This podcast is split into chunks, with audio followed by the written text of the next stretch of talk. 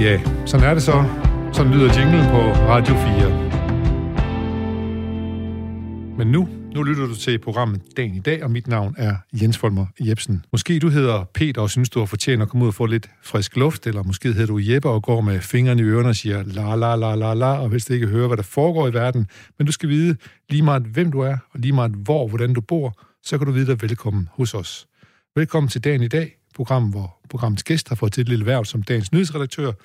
Gæsten laver ganske enkelt sin helt egen top 10 og de mest tankevækkende nyheder, og begrunder selvfølgelig sine helt personlige valg.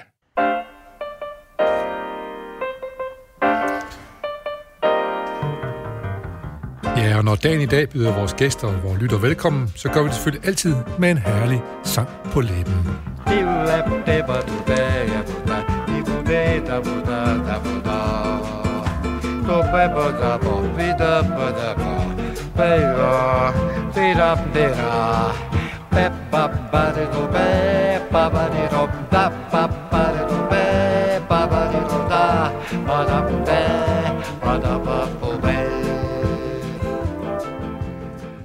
Ja, så kom vi i gang øh, med dagen i dag med nogle brasilianske bossa nova-toner.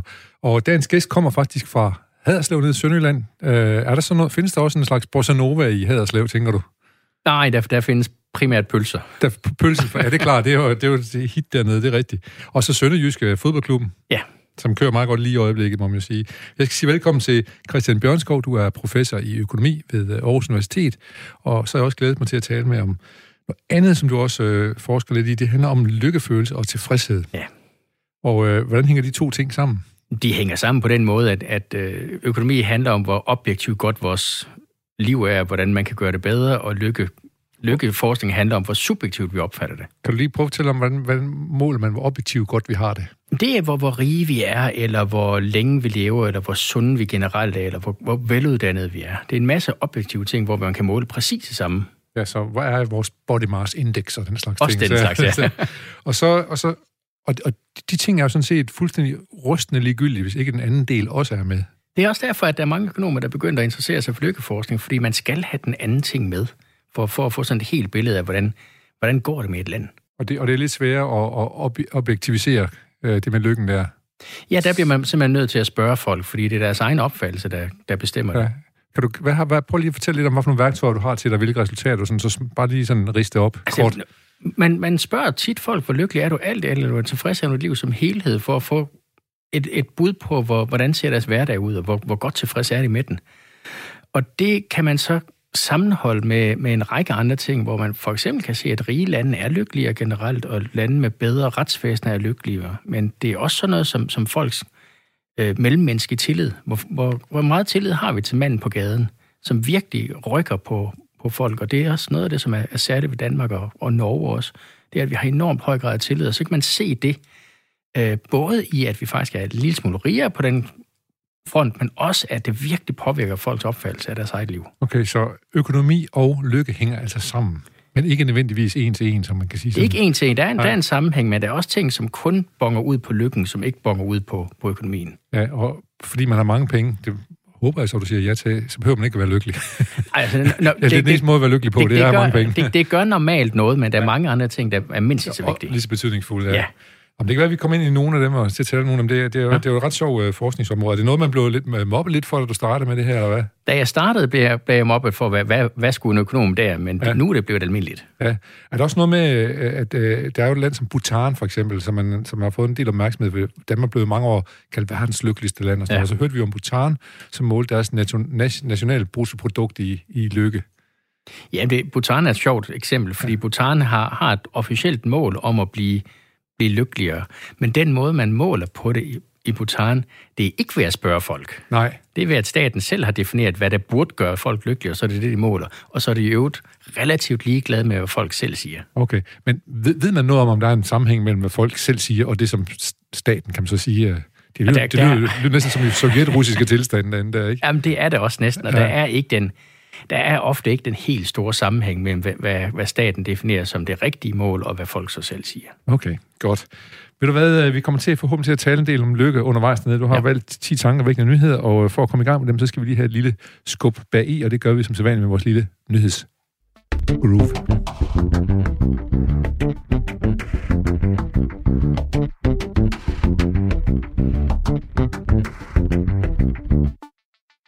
Ja, vi skal i gang med dagens gæst, Christian Bjørnskov, som har valgt 10 nyheder. Du er professor i, uh, på Aarhus Universitet, skal lige sige, og du, uh, uh, dit emneområde er hardcore økonomi på den ene side, og så noget mere subjektiv uh, lykkefølelse på den anden side, hvad det er for en tilstand, og hvilken sammenhæng der kan være mellem de to ja. størrelser. Nå, vi skal i gang, og vi her har på en 10. plads her, der har vi noget om danske fiskere, der får lov at fange en smule flere torsk i Østersøen i år, uh, i forhold til sidste år. Det er, det er fiskeriminister Mogens Jensen jo virkelig glad for. Ja, det er han, og det, det er også en, øh, en god nyhed for ja. fiskerne. Øh, jeg har taget den her med, fordi at, at for det første, så, så er fiskeriet jo et erhverv, der ikke er særlig påvirket af den situation, vi er i. Altså, der, der er jo ikke færre fisk på grund af, at der er nogen, der render rundt og får en virus. Øhm, men der, der er færre fisk for fiskerne på sigt af en anden grund. Det, det er hele Brexit-forhandlingen, fordi danske fiskere risikerer at, at miste øhm, fiskeri ude i Nordsøen. Og derfor er det, det her sådan set en ekstra god nyhed for fiskeriet som helhed, at der, der måske er lidt flere torske i Østersøen i stedet for. Så det, vi mister på karusellerne ved et Brexit, det kan vi risikere at vinde ind på gyngerne i ja, vi, sted måske? Vi, vi kan vinde lidt, lidt af det. det. Øh, det. Men det er også et godt øh, eksempel på, på et erhverv, som faktisk har meget, meget stor usikkerhed. Fordi fra år til år, så bestemmer man også politisk, i samarbejde med biologer selvfølgelig, hvor mange fisk man overhovedet må, må fange. Ja. Og det svarer ikke altid til fiskernes egen fornemmelse af, hvor, hvor problemerne er. Hvad tænker du om den, øh, den det mis, ikke mismatch, det kan man jo ikke kalde men den diskrepans, der så måtte være mellem dem, som rent faktisk udfører værvet, og så dem, som sidder og analyserer tilstanden? Det, det, der er svært, det er, det er lige præcis, at begge parter her har en interesse i at enten underdrive eller overdrive. Altså, ofte så har fiskerne måske en lidt for optimistisk øh, idé om, hvor mange fisk er der, og hvor, hvor er, er problemet, hvor de måske har overfisket. Biologer har den modsatte tendens til at være meget forsigtige og til hurtigt at se overfiskeri, fordi det, det er sådan set det, de er sat i verden for. Ja, så biologen, de beskytter fiskene? Biologerne overbeskytter måske fisken lidt, og fiskerne selv underbeskytter måske, ja. måske, og så får man den der mærkelige usikkerhed i, i hele erhvervet. Øh, hvad tænker du omkring øh, Brexit, det der, det der slagsmål, der man nu ikke længere måske må fiske op i øh, Nordsøen? Øh, hvor, hvor, hvor stor en del af, af den danske bruttonationalprodukt er det her fiskeri egentlig? Det er ikke øh, så stor en del, men det er faktisk en, en, en del af vores eksport, der kan ses. Øhm, også fordi vi sælger mange flere fisk, end vi selv øh, spiser herhjemme. Det er et, et, et relativt stort erhverv, også i, i, i nogle dele af Danmark. Og derfor så er Brexit-forhandlingerne altså også en, en, en væsentlig del af, hvad der kommer til at ske i de dele af Danmark. Så nationaløkonomisk, så kan vi godt kippe en lille smule flaget for, at vi har fået lov til at fange lidt flere torsk i Østersøen nu her. I hvert fald øh, den næste års tid, der næste kan års vi. tid, ja. så må vi se, hvordan det går. Øh, og det er også spændende, hvordan det ender med, med det engelske øh, Brexit år. Hvad, hvad, har du nogle øh, indikationer på, hvad tænker du det? Altså, problemet er, at jeg, min, min erfaring, øh, også, også fra mine britiske kolleger, som jeg tit taler med, det er, det er, at britterne faktisk er både med fiskeri og helt særligt med handel meget, meget nemmere at tale med. Altså, de har ikke nogen som helst interesse i selv at lave større handelshindringer, for at danske virksomheder kan eksportere til, til Storbritannien. Ja. Det er den anden vej problem der. Ja, ja. Så man kan sige, øh, vi ser en masse poseren fra øh, øh Johnson, øh, Boris Johnson og Cummings derovre og sådan noget, men nu vil de givet ikke snakke med EU mere og sådan noget, men det er bare, øh, det er bare en posering, tænker du? Det er en posering, og, og Barnier fra EU gør det præcis det samme. Øh, og en del af problemet har været, at, at EU's approach fra starten af var, at britterne stadigvæk skal overholde EU-regler, selvom de er ude. Klart. Og det, det vil britterne naturligvis ikke være, være med til. Men de vil gerne have fordelene for EU, så og det er så derfor problemstillingen opstår, kan man sige. Ja, de vil gerne have ja. handelsfordelene. Ja, øhm, men, men ikke de dårlige, det, det som måske belaster lidt.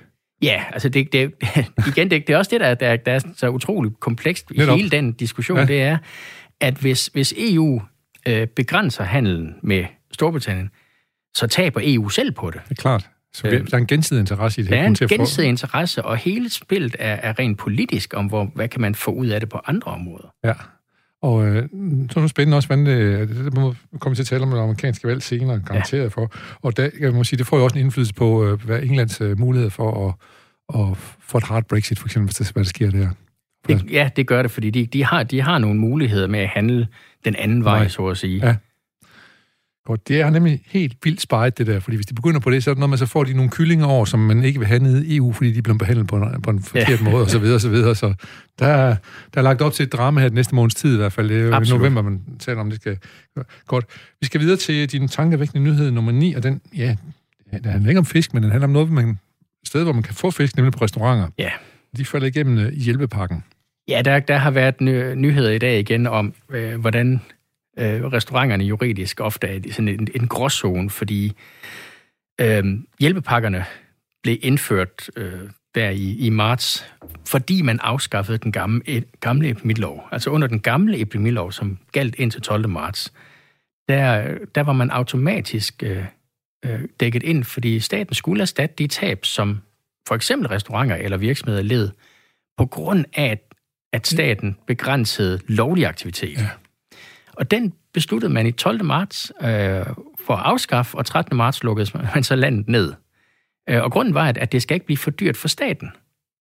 Det flytter jo bare byrden til almindelige virksomheder. Restauranterne er så faldet igennem hjælpepakkerne, for hjælpepakkerne gør det, at man kan få op til omkring 90 procent af de faste udgifter dækket. Ja. Men for en almindelig restaurant, der er 60 procent af udgifterne, det er løn. Ja, og husleje formodentlig også. Husleje, det er også det, ja. ja, ja. Husleje kan, kan, er en fast udgift. Løn er en variabel udgift. Så, så på restauranterne, der, der, der dækker hjælpepakkerne slet, slet ikke, fordi de, de er bare ikke lavet til den slags branche. Og, og nu her, otte måneder senere, der falder de stadigvæk igennem. Ja, så vi, vi kan tale ikke om, at restauranterne de er lykkelige her lige i øjeblikket. Nej, og, man får nej, og, det, til økonomien i hvert fald. Nej, og det er netop blevet meget, meget værre ved, at man, man har indført den her grænse, hvor at, at de skal lukke klokken 10, fordi så kan de ikke have to sidninger. Der ja. kan ikke komme nogen klokken halv syv, og så kommer nogen senere. Nej, så det, de er ret belastet. Jeg hørte også nogen, som var ved at rydde af efter nogen, der var færdige klokken 10, og ikke var helt færdige med at rydde af bordene. Ja. De har fået en kæmpe bøde nu her, ikke? Det er kokkeriet, tror jeg, det er i København. Ja. Ja, ja, fordi, ja, fordi ja. De, de lukkede, men, men uh, de, deres men, medarbejdere var der efter kl. 10. Det, ja, så, så var balladen der. Ja. Så øh, altså, tror du, man ændrer på det her? Bliver man nødt til at ændre på det altså fra statens side og sige, okay? Man, man burde gøre det. Øhm, altså, en, en del af problemet er jo, at, at man har indført den her ordning, hvor de skal lukke klokken 10, og der er ikke nogen som helst form for evidens for, at, der, at det virker på nogen måde. Nej. Altså, det, det er helt, helt tilfældigt tidspunkt. Hvad, hvad er logikken så? Er det, at øh, efter kl. 10 blev folk beruset, så begyndte de at sidde og beskyde hinanden og kysse og sådan noget, eller hvad? Ja, det, det, var, det var også grunden til, at man før skulle lukke kl. 12. Ja, nu okay. har man så sagt, at nu skal lukke kl. 10, fordi folk bliver, de, de har opdaget, at folk bliver bare beruset en en tidligere. Ja, det er jo det. Jeg kan se, at nogle af de feste, jeg er inviteret til, de blev bare skubbet til, så startede de lidt tidligere. Ja, så, så, øh, så, man kan sige, ja. øh, vi når kan drikke lige så meget, lige så mange timer drikke i, i hvert fald blive glade. Øh, ja. min, min, øh, min kollega Mark Littlewood i, i London, som er direktør på en tænketank, øh, fortalt med et stort grin for et stykke tid siden, at hans, hans øh, kollega var kommet og sagt til ham, kan, kan vi ikke øh, ordne det sådan, at vi arbejder fra 8 til 4 i stedet for? For det skal komme på pop en time tidligere. Ja, klart nok. så sådan er det jo, men øh, jeg hørte også om partybusser, der begynder at sige, at vi må ikke drikke i partybussen, godt, vi går et stop, og så stiller folk super fortræk, og drikker det, og så går ind i partybussen igen. Det er som om, at der er sådan et andet olsen instinkt i gang, ikke, hvor man tænker, vi, vi finder ud af det på en eller anden måde. Ikke? Altså sådan, ja. jo, og det er danskere gode til. Ja, det må man sige, ja. Så lad, lad os se. Jeg hører fra flere restauranter, at de faktisk øh, øh, indhenter det tabte i sommerferien. Øh, det de tabte i foråret, men så er det dykket igen helt vildt nu, og de kan ikke se nogen steder, hvordan, hvordan de kunne få indhentet tabte igen. Nej, sommer, sommerferien kompenseret til en vis grad. No, I hvert fald nogle steder. Nogle steder, ja. ja. Øh, der, der er nogle dele af erhvervet, der bare er stendøde, men ja. andre steder, der, der kompenserede det, fordi folk øh, kunne sidde udenfor, for eksempel. Ja. Øh, men nu her med, med klokken 10 grænsen, og, og det, at, at folk skal slæde nu, ja. det, det, det rammer dem ja, utroligt der var, der var også stor forskel på København og Aarhus, fordi Aarhus gik det meget godt, der kom mange, øh, også internationale turister og sådan noget, men i København havde du det her begrænsninger på hotellerne også og sådan noget, som gjorde, at hvis du kom til København, så skulle du bo seks dage på et hotel, tror jeg det var. Det ja. var ikke så mange, der var Ja, og det, den, den er jo også i nyhederne i dag, fordi det, ja. det, har, det har vist sig, at øh, hverken Sundhedsstyrelsen eller Serum Instituttet har nogen som helst dokumentation for, at det, den slags skulle nej, virke. Nej. Jeg skal lige, inden vi går videre, skal lige høre, vi vi gør de her ting for økonomiens skyld og for velfærdens skyld, går jeg ud fra. Ja. Men det, jeg kan høre på dig, du synes ikke, det er, er over på lykkebarometeret, punker det ikke sådan helt ud? Nej, fordi altså noget, noget af det, vi ved fra, fra lykkeforskning, det er, at, øh, at, at forbrug gør folk lykkeligere, men det er ofte oplevelsesforbrug, som det er det, der går ud og tage på museum, eller en, en, en weekendtur til Hamburg, eller et restaurantbesøg, eller et eller andet, som virkelig øh, rykker folk, og det, det er den slags, vi faktisk er ved at slå ihjel med Ja. de begrænsninger, vi... Det kommer nu, ja. ja. Nå, det er jo spændende, hvordan, at man vil så vil takle det fra politisk side, for det må jo være der, det må være der bolden ligger. Eller måske hos den fantasi, der er hos borgerne i Danmark. Ja. hvordan man undgår tingene alt for meget, og alligevel passer lidt på hinanden. Øh, vi skal til, netop som vi talte om før, vi skal til præsidentvalget, og det står bare helt punktløst præsidentvalget. Det er selvfølgelig præsidentvalget i USA Ja. 3. november. Ja. Og der er mange nyheder hver eneste dag. Det går så stærkt, vi næsten ikke kan følge med. Så hvad er det for noget, du har fundet tankevækkende her?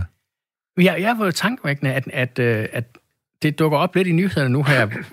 Både, både debatten, øh, der, var jo en fuldstændig hæslig præsidentdebat Den mellem første, Biden og Trump, ja, ja, ja. og en egentlig okay debat mellem Harris og Pence, altså vicepræsidenterne Ja. ja. tidligere.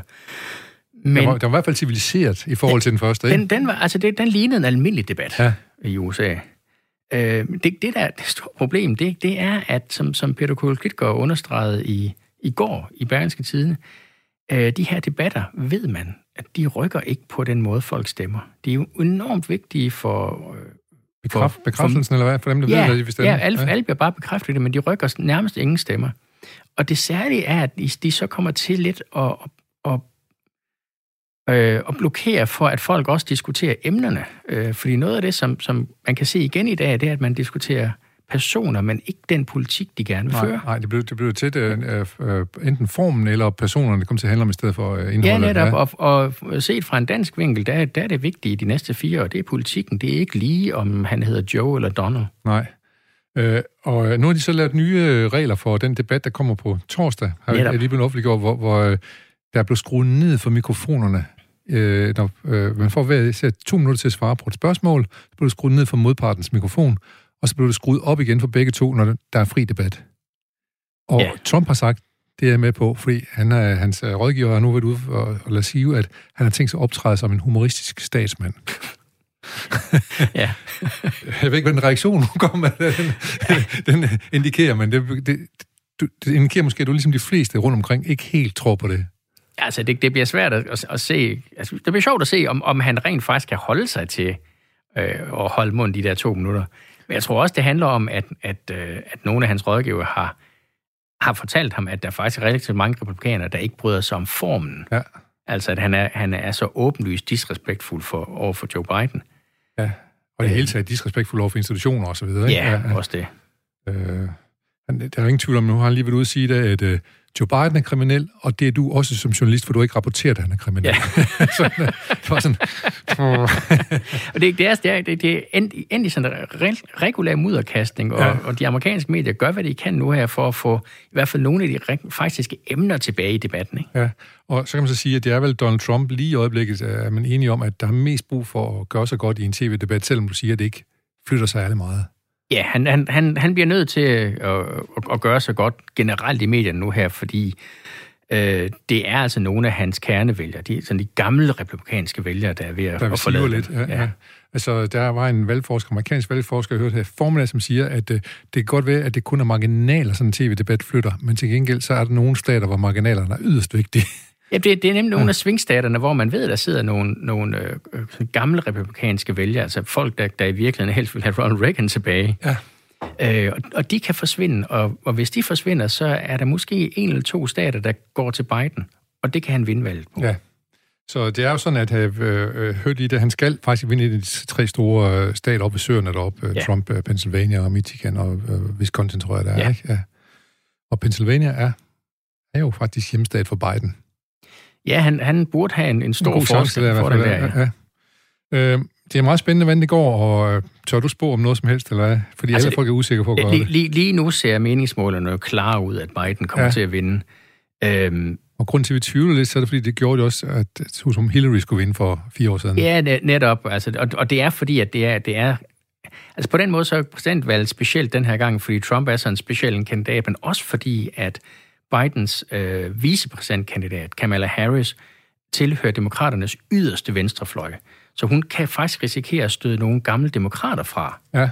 Og, og det, det gør, at valget i år bare er meget mere usikker, end det plejer at være. Jeg tror, øh, måske øh, nu stiller dig som spørgsmål, må vi korrigere en lidt, at hun tilhører den yderste venstrefløj. Må ikke der er nogen Ocasio-Cortez og, Cortez og øh, Ilian øh, Irhan, sådan nogen, som, som måske er lidt længere ud til venstre end hende? Øh, hvis man prøver at kigge på den måde, hun har stemt i senatet på, så, så, så er svaret nej. Okay, godt. Således oplyst, så går, ja. vi, øh, så går vi glade videre, fordi jeg, jeg synes bare, der, der er tit sådan øh, andre rapporter, man får, men de er jo ikke nede og kigge i den enkelte sag, hun var inde og stemme for. Netop ikke. Nej. Øh, det er interessant det her, og jeg skal lige sige, Christian Bjørnskov, øh, som er vores gæst i dag, professor i økonomi på Aarhus Universitet, og også studerer også omkring øh, lykkefølelse og tilfredshed. Og her synes jeg lige, at der kan jeg godt lige få noget ind omkring det der med lykke ja. og tilfredshed, fordi i USA måler man også likability. ja. Og der, der var Hillary Clintons likability var, var betydeligt lavere end den, som Joe Biden har nu, og derfor synes man, at man kan se en forskel, når man ser på meningsmålinger. Ja. Det kan være, at meningsmålingen ligner hinanden, men de to demokratiske kandidaters likability er meget forskellige. Og det betyder noget, vil du nok også mene. Absolut. Altså det, det var et af problemerne for demokraterne for fire år siden. Det var, at, at Hillary øh, er ekstremt upopulær langt ind i det demokratiske parti. Blandt andet fordi mange simpelthen opfattede hende som, som enten korrupt, eller i hvert fald en, der overhovedet ikke spillede efter reglerne. Øh, og der, der er Biden altså meget anderledes. Ja, han, der, han er uskyldsvid næsten i forhold til, når man kigger på dem. Ja, han har, på, han har et problem med sin søn, men, ja, men, ja. men personligt, der ser han ren ud. Ja, og lad os så se, øh, hvor stort problem den søn bliver. Nu har de jo fundet, øh, påstår de, på, nu har de fået fat i hans computer, hvor de har fundet en e-mail fra, fra, øh, fra, øh, øh, fra en, øh, nogen, som har, bestukket ham. Ja. Så øh, ja, og de siger, at det er russerne, der har plantet den historie, og det er det sandsynligvis også. Det, det lyder rimeligt. Det lyder ja. rimeligt nok, ja. det er det med. Godt, øh, lad os straks gå videre til øh, din øh, tankevæk nyhed nummer syv. Den handler om, øh, og nu er du helt aldeles på hjemmebane, den handler om en ny rapport fra Økonomisk Råd. Og hvad siger den, og hvornår er den kommet? Det kommer i dag. Den kommer i dag, øh, så det, vi, det, vi, vi, på, vi er simpelthen på forkant. Ja, det, det, det, det jeg har, jeg har taget den, fordi at det er hjemmebanen for mig. Ja. Men også fordi, at, at det, den kommer nu her, øh, bliver præsenteret i dag. Øhm, og det, det vigtigste ved rapporten, det er konjunkturoversigten. Øh, så, så den kommer til at give et billede af præcist, hvor dårligt det går i Danmark. Øhm, og det, det handler blandt andet om, at, at, at den danske økonomi sandsynligvis er faldet med omkring 8 procent. Øhm, det, det, det er krise. Det er, det er dyb krise, og det er gået meget, meget hurtigt, og man skal huske, at omkring 30 procent af økonomien, det er den offentlige sektor, den er nærmest upåvirket. Så de der, det der samlede 8 tab, det sker i de 70 procent, der er privat. Og det er blandt andet de her restauranter, vi taler om før, som ikke kan få en kompensation, eller om, som ikke kan holde åben, så de kan få et forbrug ind.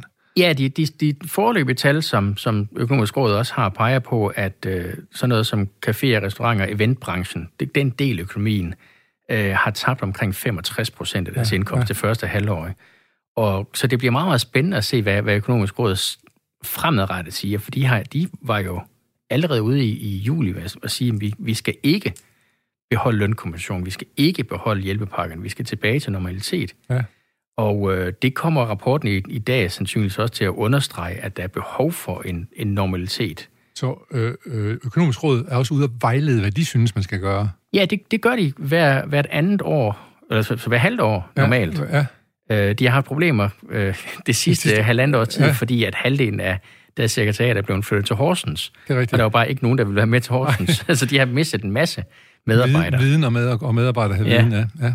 ja. Øhm, men altså, det, det, er, det, er, det, det er en af de store ting i min kalender. Det, det er de der to gange om året, når, når rapporten kommer, og man kan se, hvad ja. Karl Johan Dalgaard og hans kolleger har, har kigget på. Øh, hvor, hvor, hvor meget lytter sådan generelt politikerne til et økonomisk råds, øh, hvad skal man sige, øh, råd? Meget lidt. Meget lidt, ja. Meget lidt. Øhm, det, det er typisk, at hvis økonomisk råd siger noget, som nogle politikere i virkeligheden gerne vil gøre, så fremhæver det økonomisk råd som, som evidens. Helt særligt og godt, ja. ja, ja og hvis, hvis siger, økonomisk råd siger noget andet, ja, så ignorerer de det. Ja, okay. De siger selv i økonomisk råd, det skal vi gøre, så det gør vi, ja. Ja, det er ja. præcis. Ja. Hvad, hvad, hvem, er det, der, hvem er det, der vælger økonomisk råd? Du siger, at de flytter til Horsens. Er det så fordi, at det er nogle fastansatte økonomer, der sidder sted, eller er det folk, der bliver kaldt ind for de højeste institutioner? Det, det, de, har, de har et sekretariat øh, af fastansatte økonomer. Ofte nogle meget, meget dygtige folk. Som, som sidder i Horsens nu her så? Hvor halv, ja, halvdelen af dem er flyttet til Horsens. Øhm, øh, så vidt jeg kan huske, så var det en af deres miljøøkonomer ud af et hold på syv eller sådan noget, der flyttede med til Horsens. De andre, de, de tog deres afsked. For ja. de, her, de, de er meget dygtige, så de har masser af andre muligheder. Ja. Og når man så flytter til Horsens, som både er langt væk fra København og langt væk fra Aarhus, for den sags skyld, så, så mister man stort set alle sine medarbejdere. Ja. Øh, Og man kan også sige, mange af de ting, som man måske har brug for at vide økonomisk råd, det kan det man få at vide inde på Christiansborg, kan man sige. Der er jo nogle oplysninger, man skal have fat i. At oplysninger kan man få fat i, men den der, den, der, den der kontakt ja. til, øh, til Finansministeriet og, og så videre, ja, ja. Den, mister den man, hvis man, man flytter til Horsens. Øh, tager fejl, hvis jeg siger, at du er ikke helt tilfreds med den statslige udflytning til Horsens af økonomisk råd? Er det et, jeg, jeg ser det, og rigtig mange af mine kolleger så det også som en bevidst svækkelse af, af det økonomiske ja, ja, ja. råd. Men øh, vi holder øje med deres, øh, øh deres øh, halvårlige øh, ja. råd i dag, øh, som nu har gjort os opmærksom på. Øh, det, og det er super fedt. Så er vi virkelig på forkant i det her program, må man sige, dag. I dag. øh, vi tager lige et langt, langt spring til et helt andet sted, hvor udviklingen går lidt endnu værre i Danmark, ja. kan man sige. Det er nemlig i Venezuela. Ja, der, der er nyheder i dag øh, om, hvor, der, hvor, hvor ringen det faktisk går i Venezuela. Fordi vi, vi har måske mistet den 8, hvad skal vi sige, måske 10 procent af, af vores BNP i år. Øhm, almindelige mennesker i, i Venezuela har de senere år mistet halvdelen af deres indkomst, og nogle gange mere. Ja, og, det, og det, man kan sige, at den var ikke for stor i forvejen. Nej, altså, Venezuela Klar. var for nogle år siden faktisk Latinamerikas rigeste land. På grund af olie? På grund af olien. Øh, I, i starten af 60'erne var Venezuela faktisk rigere end Spanien og Portugal. Men, Så vi taler om det rute her? Vi taler om en derut af nærmest historiske dimensioner.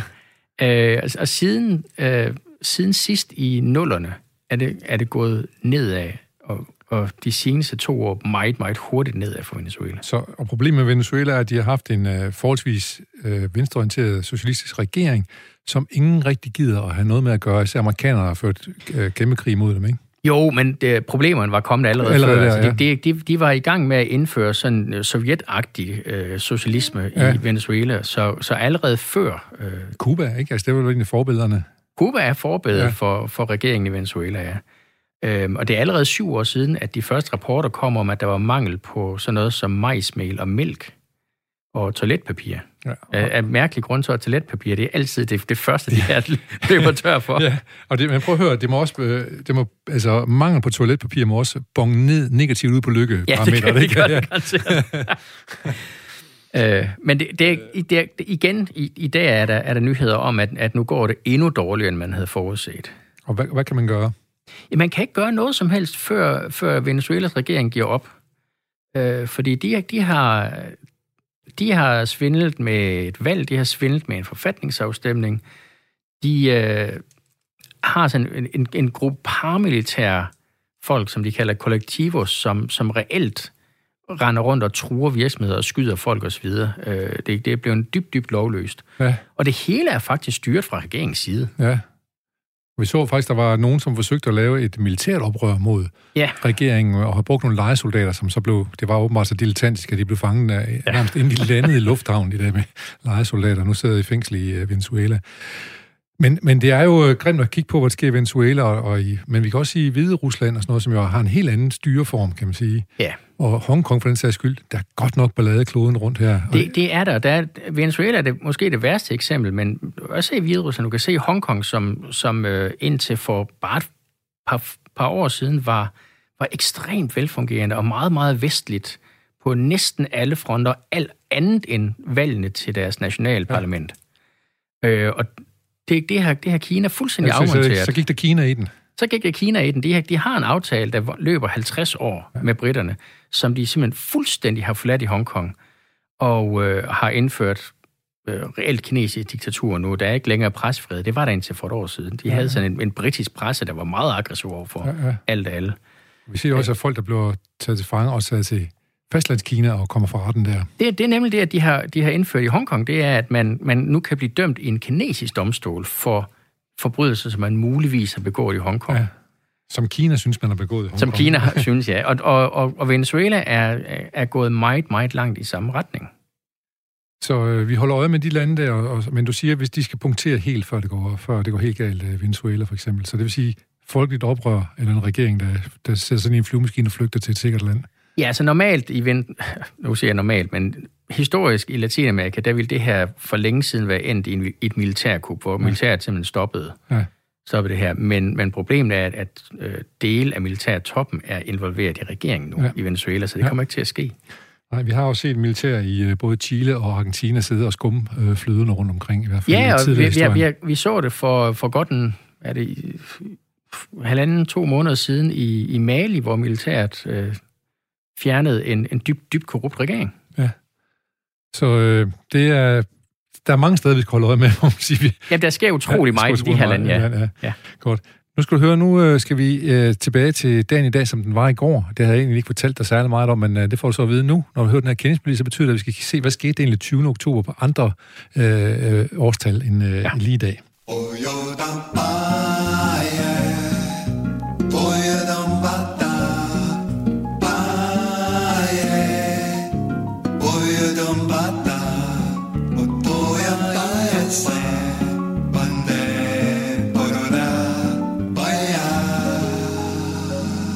Ja, dagen i dag, som den var i går, og øh, vi øh, kigger lige på, hvad skete der egentlig. Det gør vi sammen med Christian Bjørnskov, og så hvis du har nogle kommentarer til det, så hører vi dem gerne. For eksempel kan vi sige, at i øh, 1965, der får Beatles guldplade for singlen Yesterday. Det er første gang, der er brugt cello på et hit inden for populærmusikken. Jeg kan jo huske Paul McCartney, som har skrevet sangen Yesterday, han drømte den om natten, og han tekst, da han vågnede op om morgenen, det var, øh, jeg tror det var Fried Eggs eller sådan et eller andet. fried Eggs. Nå, Jacqueline Kennedy, enke efter præsident John F. Kennedy, øh, gifter sig med den græske skibsredder Aistoltes Onassis. Det kan vi godt huske mange. Det var sådan et mærkværdigt bryllup, der skete der. Og så er der noget, der ser meget, nemlig sport. Den amerikanske atlet Dick Fosbury, han vinder guld i højdespring. I, øh, kan du, har, har, du hørt om det? Han, han, han er den første, der springer med ryggen over ja. overlæggeren. Der må man sige, der satte han en ny standard. Jamen, for, Forsberg der i, øh, vinder jo OL 68, 68, i 68 ja, ja. med, med en helt anden måde at springe højdespring ja, på. Øh, den kalder også The Fosbury Flop. Man kalder det The Fosbury Flop, ja. ja det, det, det, var, det er sådan et, for os som økonomer er det også en utrolig interessant at se det der, det, den slags, fordi det er en fyr, der har fundet på at gøre noget mere effektivt på en total anderledes måde, som ingen andre havde tænkt på. Men inden for reglerne. Men inden for reglerne, ja. ja.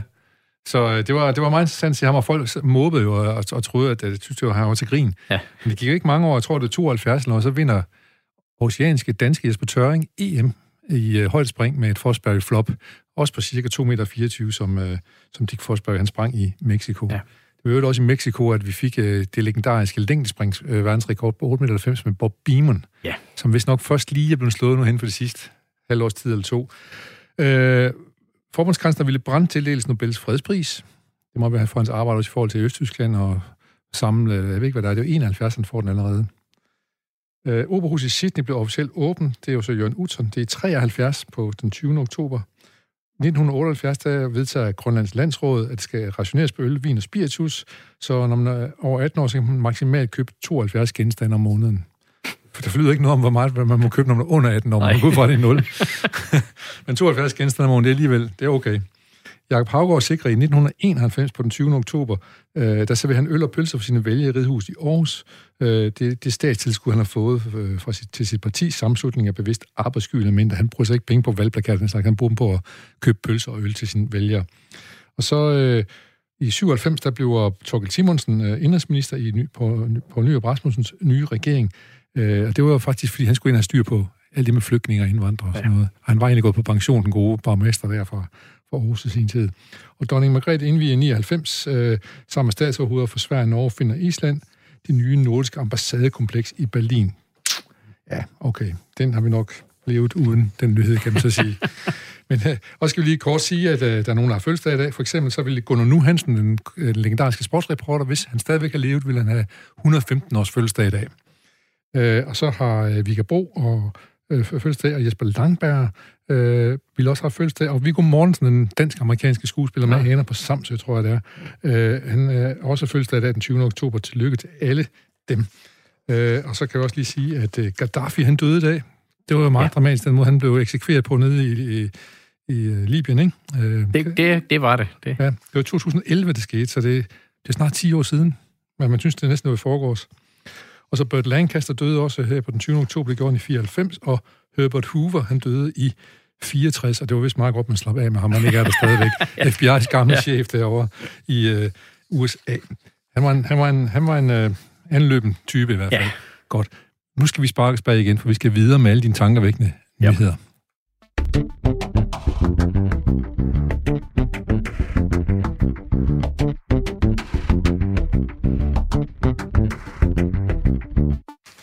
Yes, og vi skal videre med tankevækkende nyheder, som er fundet af dagens gæsteredaktør Christian Bjørnskov, som er professor i økonomi på Aarhus Universitet, og også ved lidt om lykke. Så det putter vi sådan lidt ind imellem, ja. når jeg kommer forbi noget, der... En, der ikke, nok ikke er skide lykkelig i dag, det er, at i nyhed nummer 5, det er Frank Jensen. Han træder nemlig tilbage som overborgmester i København. Det har han ikke lige regnet med for 14 dage siden.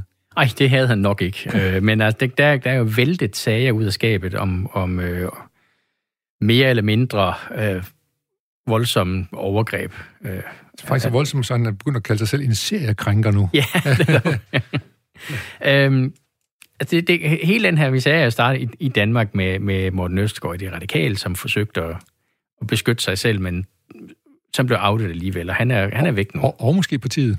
Og måske partiet, ja, fordi det, det, det specielle er, at, at de radikale øh, har mistet centrale medlemmer. Øh, en tidligere partikasserer så videre er ude nu. Ja. Øhm, og Frank Jensen træder nu tilbage, øh, så det, det er sådan et, et, et billede på, hvor, hvor langt man er villig til at gå. Altså selv meget, meget højstående politikere er ikke længere beskyttet, øh, hvis de laver den her slags ting. Øhm, og man må sige, han, han var også næstformand i Socialdemokratiet, så det er jo ikke, det er jo ikke en her hvem som helst. Det er netop ikke en her hvem som helst. Altså, at Morten Østergaard, som er formand for et, et lille parti, øh, nå ja, det kan man sige, at radikale er måske også det parti, der nok burde være mest følsom over for den her slags sager, ja. ikke? Men næstformand i, i Socialdemokraterne, der bliver væltet nu her, det, det er sådan et, et godt signal om, at, at alle kan væltes. Ja. Så, så alle er også lidt bange nu? Alle er også lidt bange nu, og... Øh, øh fordi, altså, fordi jeg går ud fra, at grunden til, at han får det sidste skub, er vel også, at han vil være utroværdig ved næste valg, som kommer til november her, ikke? Lige, lige præcis. Altså, det, de, hans troværdighed, Morten Østergaards troværdighed, deler også af Sofie Carsten Nielsens troværdighed, er, er meget skadet nu her. Øhm, det, der bare er spejt ved den her sag, det er, at jeg, jeg tror ikke, der er nogen, øh, eller internt, der, der er i tvivl om, at Frank Jensen og Morten Østergaard har krænket. De har været nogle fester på en de, lidt ustyrlig måde. Ja, det har lidt, de. lidt for ustyrlig måde. Ja, ja. Men, men der dukkede for eksempel også rygter op om Christian Friis Bak, der er tidligere udviklingsminister. Øh, og, og Christian afviste det fuldstændig blankt. Ja. Øhm, øh, også, også hvis man kender, altså som, som økonom, der kender man nogle gange noget af det her miljø indenfra. Ja, ja. Øh, Christian Friis Bak vil være den, den, en af de sidste personer, jeg vil tro det om. Ja. Simpelthen. Og det er lidt, det, det der, der problemet ligger ved alle de her ting, det er, at, at øh, rygterne kan også øh, ramme folk, som aldrig nogensinde har gjort den her slags, fordi ja. der er ikke, der er ikke nogen reel retssikkerhed længere, når det er rygter, der kan, der kan flytte folk. Lad os lige prøve at holde fast i Christian Friis Bak, for han var inde i aftenshowet og fik så at vide, du kan ikke være med alligevel, for der går rygter om, at du har været utærlig ja. over for en. Så siger det har jeg ikke, siger han så. Øh, og så får han så lov til at medvirke i programmet, hvis han vil øh, kommentere de rygter. Ja. Øh, og det viser sig så, at han og hans kone på det daværende tidspunkt har haft et åbent forhold. Så derfor kan det udefra se godt ud, som om han har haft travlt med nogle andre også, men det er så i fuld overensstemmelse med alle involverede. Måske. Ja, det, det, det, det ser sådan ud. Men det, forklaring, men han kunne godt have været, han kunne godt have været økset på forkert grundlag, kan man sige. Det, det kunne han for, øh, på grund af rene rygter, ikke? Øhm, og, og det er der, det, alle de her sager bliver så lidt spejlet, fordi Frank Jensen og, og Morten Østgaard, nå ja, der, der er nok ikke nogen tvivl. Men næste geled i, i rygterne og anklagerne, øh, de, har, de mangler fuldstændig retssikkerhed. Plus også, at man kan jo godt forestille sig lidt, at det er i hvert fald sådan noget, jeg kigger lidt, jeg har talt med nogle af mine tidligere gæster om, er, om en af de radikale, om det også blevet brugt som led i en magtkamp. Ja, for man, man, man vidste jo, at der var en magtkamp i forvejen i radikale. Ja, ja Martin Lidegaard vil sikkert rigtig gerne til, ikke? Jo. Ja, og, og så gik der ikke mere fem minutter, før der var nogen, der var ude og sige fra den anden kreds, at han havde vist at danse lidt tæt med en gang og sådan noget, og så ja. var han jo ligesom næsten færdig, ikke? Jo, jo, jo. Og, og det specielle er her, at, at, øh, at det er sådan noget, der sker det, det sker selvfølgelig alle mulige steder i samfundet, men det sker måske i særlig grad i politik, fordi politikere bare er anderledes. Ja. Øh, øh, og nu øh, kan vi så også lige sige, at de friske nyheder i dag også er jo, at, øh, at vores øh, udenrigsminister Jeppe Kofod, øh, hans gamle sag, hvor han øh, som 35 år, tror jeg, eller 32 år, var sammen med en 15-årig pige på et DSU-kursus på ja. Bornholm, han er nu blevet anmeldt for voldtægt af en stribe borgere. Det er nemlig sådan, at den slags sager, de øh, blev ikke forældet. Ja, og det, det har også været noget af det, man har undret for. Alle, alle kendte jo Kofod-sagen allerede ja, før. Ja, og han havde du indrømt den også jo, beklager og så videre. Han ikke? havde indrømt ja. og plakat. plakat. Ja, ja. Øhm, det, det interessante er bare, at det her, det sker øh, i politik, og det sker muligvis relativt ofte i politik, øh, fordi at dem, der Altså dem, dem der overlever i politik, og det, det ved man fra en del politologisk forskning, dem, der overlever i politik, er ofte folk, der er sådan lidt moralsk fleksible. Ja, det er en meget god måde at sige det på. Man ved også om John F. Kennedy, han var rimelig moralsk fleksibel, da hvad gik kvinder i det hvide hus. Ja. Og, ikke? og, og Berlusconi for eksempel også, ikke? Berlusconi også, og ja. øh, altså også Kennedys efterfølger Lyndon Johnson, Lyndon som Johnson ved Gud også- ikke så særlig godt ud af at ryge. Nej, øh, og hvad hedder det? Berlusconi, han kom jo så først virkelig for alvor på problemer, da han begyndte på nogle øh, øh, unge piger, der var mindreårige, ikke? Jo, der, Så, så, så, så blev ligesom trukket streg i sanden i forhold til ham, kan Ja. man sige, ja. Så, ja, godt. Men vi, vi må følge udviklingen se, øh, men vi må nok konstatere, at hverken øh, Frank Jensen eller, eller Jeppe har, øh, har, en særlig lykkelig dag i dag. nej, det er der ikke. De har nok nogle øh, samtaler med deres respektive ja. og så videre, ja. Øh, og spændende at se, øh, det, noget, hvis, hvis den her udvikling fortsætter, så ryger Jeppe for, øh, Kofod formodentlig også som udenrigsminister, ikke? Hvis, Ja. øh, Det gør han. godt. Øh, vi skal til Gentofte nu. Ja, for der er nogle andre, der, der er meget utilfredse med noget. Ja, Det, og det, er- det er jo kommunen, altså kommunalpolitikerne i Gentofte, der er utilfredse, ikke? ja, øh, det, det særlige er, at den her sag er gået i højesteret nu. Øhm, Det er en skattesag. Det er en skattesag, og det er faktisk en, en, en sag om dødsbobeskatning. For normalt så får kommunerne en, en andel af den indtægt, man får for dødsbobeskatning i deres kommune. Det, det spejlede ved, ved Gentofte-sagen, det er, at øh, skat har, har haft en meget, meget langsom sagsbehandling. Og det betyder, at, at øh, kommunens krav på deres andel af dødsbobeskatningen øh, er forfaldet, fordi skat har simpelthen taget for lang tid. Så får skat hele, altså staten får hele så, så, dødsbobeskatningen. så skatten har en, de, de har en interesse i at forhale. Der gør deres arbejde dårligere, end de egentlig burde. Ja, lige præcis. Og det, og det, det altså, er fordi af forskellige grunde, at skat har susket og ikke gjort deres arbejde, så mister Gentofte den indtægt, som de ellers ville have haft. Og det, det mener Gentofte, at det, det kan simpelthen ikke være rigtigt, at en anden myndigheds øh, inkompetence koster dem. Netop, og en statslig myndighed. Og en købet. statslig myndighed, ja. Så, og man kan sikkert godt forestille sig, at der må være mange ældre medborgere med rigtig mange penge i Gentofte, som afleverer et stort, forholdsvis stort dødsbo, som vil skæbe Ja, ja, det i kommunekassen, eller hvad? Det, det er lige præcis. Gen- Gentofte er en af de øh, kommuner, der, der potentielt i hvert fald kan få den, de største indtægter af den her skat. Men vi må sige, at det her med dødsbo, det er jo kun, hvis der ikke er arvinger og sådan noget, ikke? Jo, jo, jo, jo men der, dødsbo bliver beskattet øh, på forskellige, Forskellige måder, og der, det, det giver nogle kommuner øh, millionindtægter. Indtægter, okay. Så øh, måske øh, god grund til, at øh, Gentofte, de lige øh, rækker fingrene vejret og siger, hør lige skat, hvad med at passe jeres arbejde, så øh, vi, vi kan få de penge, der, der kommer også til gode, i stedet for I kan spekulere i og, og udskyde sagerne. Ja, og det, og det er sådan en, et eksempel, hvor det her det har ramt en kommune, men det rammer jo også øh, meget ofte af helt almindelige borgere, at, at skat enten tjusker, øh, at skat laver fejl, øh, Altså, der er en inkompetence til stede. Der, der er en inkompetence, og, og også, øh, som, som det tidligere i år har været sager om, at øh, skat trækker sager i langdrag. Altså Ekos øh, skattesag endte jo med at tage 12 år, Ja.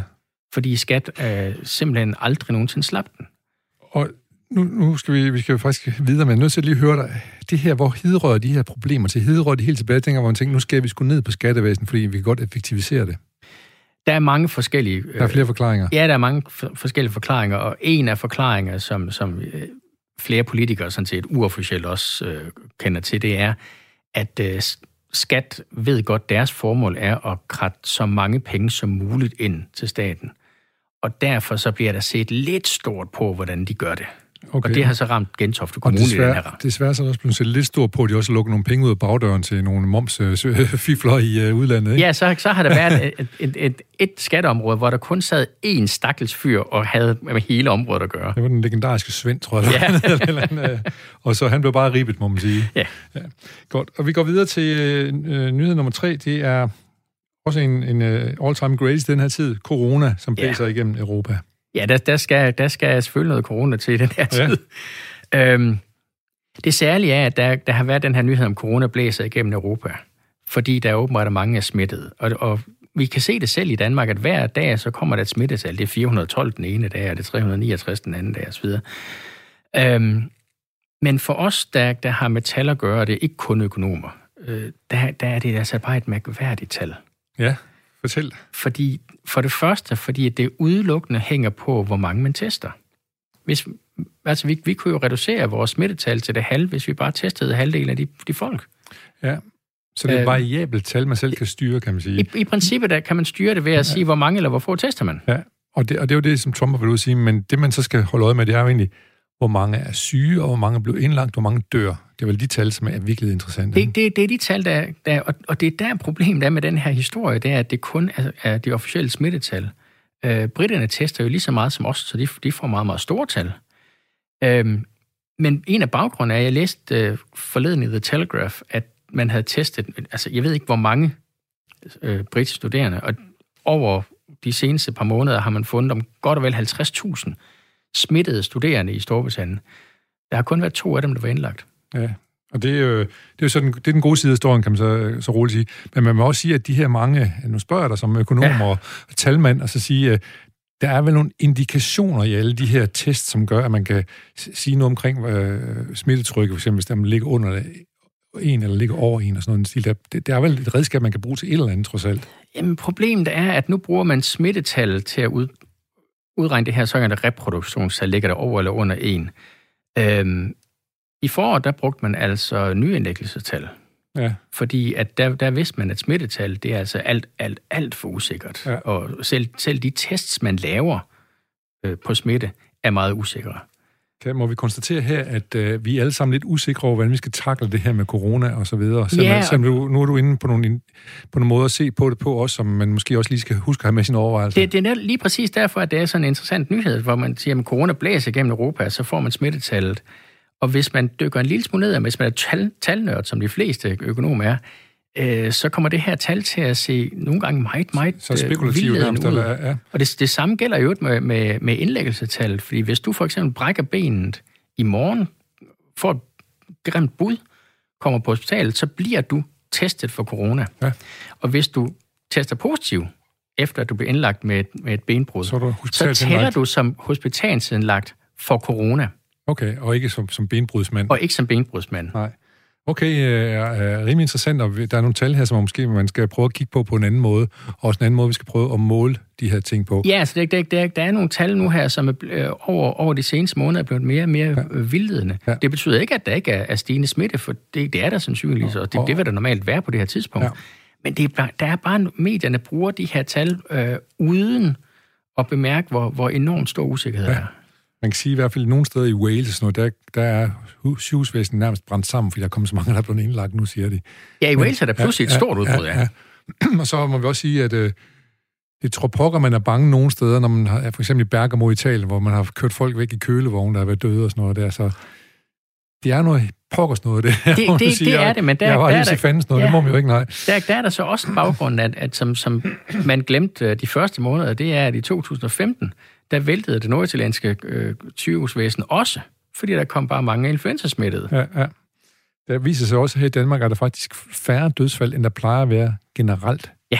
Og sygdom fordi vi spritter sådan af, altså bliver vi ikke syge og går og smitter hinanden, så der, der er nogle andre ting ved det. Det er også, den der, den der ekstra hygiejne, som har betydet, at der har været meget, meget få dødsfald, også specielt meget få influenza-dødsfald ja, først ja, på året. Ja. Vi skal ret hurtigt videre nu her til din uh, tankevækkende nyhed nummer ja. to. Vi nærmer os hastigt uh, spændende førsteplads. nummer to, det er Finnair, det er det finske luftfartsselskab, ja. sådan en par til SAS, kan man sige. Og de fyrer yderligere 700 medarbejdere. Ja, øh, altså i, i dag er det Finnair, det, det er så børsen, der, der bringer den her nyhed, som fyrer ekstra 700 medarbejdere. Øh, for ikke ret lang tid siden, der var det Lufthansa, der fly, fyrede nogle tusind, og British Airways har fyret, og SAS har fyret. Øhm, og det, det er så sådan, måske lidt en økonomnørdet ting, men den er faktisk vigtig for folks velfærd næste år eller næste år igen, det er, at man risikerer faktisk, at nogle af de her luftfartsselskaber altså helt permanent forsvinder. Ja. Øh, fordi de er... De er i knæ. De, de er i knæ, fordi der, der er ingen, der må rejse simpelthen. Nej. Øhm, og næste år, når, eller 2022, når, når det her for, forhåbentlig er helt normaliseret igen, så risikerer vi faktisk, at, at øh, en meget væsentlig del af vores samfund, en meget væsentlig del af vores, vores hverdag, den er væk. Ja, men nogen vil måske sige, at det er sgu meget godt, fordi vi har et andet stort problem, som handler om klima, for eksempel. Jamen, det, det særlige er, at, at, øh, at, at, at man har simpelthen holdt op med at, at, at, nærmest holdt op med at flyve nu her, og der er stort set ikke sket noget med CO2-udledninger eller, eller noget. Altså det, det har været sådan et, et år, hvor man har kunne se, hvor, hvor ekstremt lidt vi selv kan gøre ved det, for vi har stoppet langt det meste flyvning, der er bare ikke sket noget. Nej, der var dog, øh, vi havde nyheder for på det om, at der var, det var faldende i en periode, og så steg det igen her øh, i sommerferien. Ja. Så, øh, og vi husker jo alle sammen i hvert fald også, det er i hvert fald sådan noget, som jeg bider mærke i, og som formodentlig ikke har grund i noget videnskabeligt, men vi husker jo billederne af, af, af forskellige øh, bjerge og ned fra Venedig og alle mulige andre, hvor man pludselig kunne se, oh, der er et bjerg der, de har en bjergtop. Ja, der var, der var specielt en, en, en, øh, en indisk by. Taj Mahal også og sådan noget, ikke? Ja, der var en indisk by, hvor man kunne se bjergene igen. Ja. Øh, så, så i de der ekstremt forurenede områder i verden, der har man kunne se en, en, en forskel. Ja. Men det generelle billede, det, der er ikke rigtig sket noget. Og, og det er særligt, at vi risikerer, at, at en branche, som vi normalt ikke taler ret meget om, men som er utrolig vigtig for, for de fleste af os liv, den, den, er, den er så meget i knæ, at store dele af den kan forsvinde. Og det her taler vi både også om, at det er uheldigt for økonomien i det hele taget, ikke bare for, for, for, for luftfartsselskaber, men også for nationale økonomier måske, og så også for lykkefølelsen og, og muligheden for at komme ud og se noget andet og opleve noget Lige andet. præcis, for det er utroligt vigtigt for os, at, at ikke alt er hverdag, og, og for, altså for de af os, der har de tilbøjeligheder, der, der er sådan en, som en weekendtur til London et enormt vigtigt for, ja. hvordan vi opfatter vores liv. Og det tror vi på, for det er noget, du har undersøgt, øh, Christian Bjørnskov, fordi du ikke bare ja. forsker i økonomi, men også i lykkefølelse og tilfredshed og stiller folk spørgsmål omkring den slags ting. Ja, det, det, det er sådan en ting, der ikke bare bliver, bliver fanget i, hvor rige er vi. Ja. Nu, skal vi, øh, nu tager vi lige en, øh, tager vi flyveren, hvis vi kunne det, til Irland. Ja. Som til nyhed nummer et, det er en nyhed, du har fundet i uh, engelske blad, så vidt jeg ved. Det, nej, det er fra The Irish Times. The Irish Times, du har fundet ja. i britisk, kan man så sige. Nej, ikke engang. Det må de heller ikke. Nej, irsk blad. ja. Irsk avis. Irske læger opfordrer til ikke at lukke landet ned, og Irland er netop lige nu blevet ramt af den måske hårdeste nedlukning øh, i Europa. Ja, øh, det er sådan, man i Irland nu her, der må man ikke øh, rejse længere end 5 km fra sin bopæl. Øh, de har lukket totalt ned nu. I seks uger, ikke? I seks uger, ja. Og der er der altså en gruppe irske læger, der har skrevet et åbent brev i The Irish Times, som er altså landets førende ja. avis, øh, hvor de opfordrer til, at man ikke skal lukke ned, fordi at, at de her irske læger ikke mener, der er evidens for, at det overhovedet virker. Og, øhm, og, og er det bakket op af nogle troværdige øh, undersøgelser eller et eller andet, eller hvad? Der, der, der er kommet, altså, det, det, det er personligt for mig også, for jeg har faktisk lavet en af de her undersøgelser, hvor, hvor vi prøver at vurdere konsekvenserne af store politiske tiltag. Det, det, der er faktisk flere af dem, der er lavet økonomer, fordi at, er det en simpel grund, at vi er specialiseret i at se på tal, altså, tal ja. og specielt vurdere konsekvenser ja. af politiske tiltag. Ja. Øhm, og de, plejer, de peger sådan set alle sammen i retning af, at det her nedlukningspolitikken har ikke gjort nogen som helst forskel på, på øh, dødstallene osv. Og det er det, de her irske lærer i et åbent brev understreger, at, øh, at det gør ikke noget, men man får en række andre problemer. For en måned siden var det en stor gruppe belgiske læger, der kom med et åbent brev til de belgiske myndigheder. Sidst i august var det israelske læger, blandt andet lederne af fire modtagelser på universitetshospitalerne, der, der, der skrev det samme til de israelske myndigheder, og en uge efter, der lukkede Israel ned. Så det, vi snakker om her, det er, at øh, vi, vi, vi, det handler om at finde ud af, hvilket, hvilke ulemper vil man have Yeah. Fordi at ulemperne er lige store, uanset hvad du gør, men på forskellige områder, hvis du, alt efter hvad du vælger. Lige præcis, og jeg har taget den her fra The Irish Times, fordi at det er sådan en diskussion, som ikke rigtig er dukket op i de danske medier. Ja, øhm. det, det er der bestemt ikke, og kan vi fornemme at forvente, at der kommer nogle øh, danske læger, og måske lige fra nogle danske økonomer, som udsige det samme om Danmark? Det, det tror jeg godt, man kan forvente. Øhm, også fordi, at, at vi kan ikke sidde det overhøre. Øh, jeg, jeg så for nogle få dage siden, at øh, her hen over de seneste måneder, der er der en million australier, der har søgt professionel hjælp, hos, primært hos psykologer nu her. Så de har en god forretning, psykologerne? Psykologerne har en god forretning i Australien nu her. De må ikke mødes med deres klienter, men Nej. de kan i hvert fald tale med dem i telefonen. Ja. Og, altså en million ud af en befolkning på, hvad er de 25 millioner, det, ja. det er utroligt mange, der, der nu har reelle psykologiske problemer. Ja. Det er jo også sådan at se, hvad er de langtidsskaderne af det her corona, når vi engang kommer op på den anden side og, og det er sådan noget, de irske læger i dag understreget Irish Times, om som de belgiske læger understregede for, for en måned tid siden. De understreger også det, at man ved, at der kommer flere kræftdødsfald nu. Så vi skulle have gjort som Sverige? Det er i hvert fald det, som, som, som de her flere forskellige grupper læger, inklusiv øh, for, for nogle uger siden en, en meget stor gruppe, som en udsendte, der hedder The Barrington Declaration, understreger også, det er, at alle de her følgevirkninger, som for kræft, kræftdødsfald og selvmord osv., det er i virkeligheden meget værre en selve corona-dødstallene. Øh, ja. ja, og jeg tog den med, fordi det er, en, det, er en, det er en diskussion, som vi ikke rigtig har haft i Danmark endnu. Det må jeg også sige, Christian Bjørnskov, professor i økonomi på Aarhus Universitet, det er tankevækkende. Ja, det er det. Så det, tak fordi du tog den med, og tak fordi vi også lige uh, midt i al økonomien også kunne snakke lidt om lykkefølelse og tilfredshed og den slags ting. Det var en stor fornøjelse at have besøg af dig her i dagen i dag, og uh, vi kom ud af nogle krinkelkroge, vi ikke har været i før, og måske også en stor ting, som vi slet ikke har været, men vi snart kommer i, i forhold til corona, hvordan ja. vi opfører os i forhold til den. Så skal jeg sige, at uh, programmet her bliver uh, lagt ud som podcast, og snart det har været sendt, og at uh, det er produceret af Paseo for Radio 4. Og så er det jo sådan, at det var i dag, at Jesper Langberg, han har haft fødselsdag, hvis nu det var, at det havde været, og så videre, den 20. oktober. Og jeg har fundet en af mine legendariske sange frem. Den hedder, hvis man aldrig prøver noget, sker der ingenting fra filmen I den grønne skov, Peter Sten og Jesper Langberg. Hvis man aldrig prøver noget, sker der ingenting. Er det rigtigt? Alt er egentlig så let, man skal bare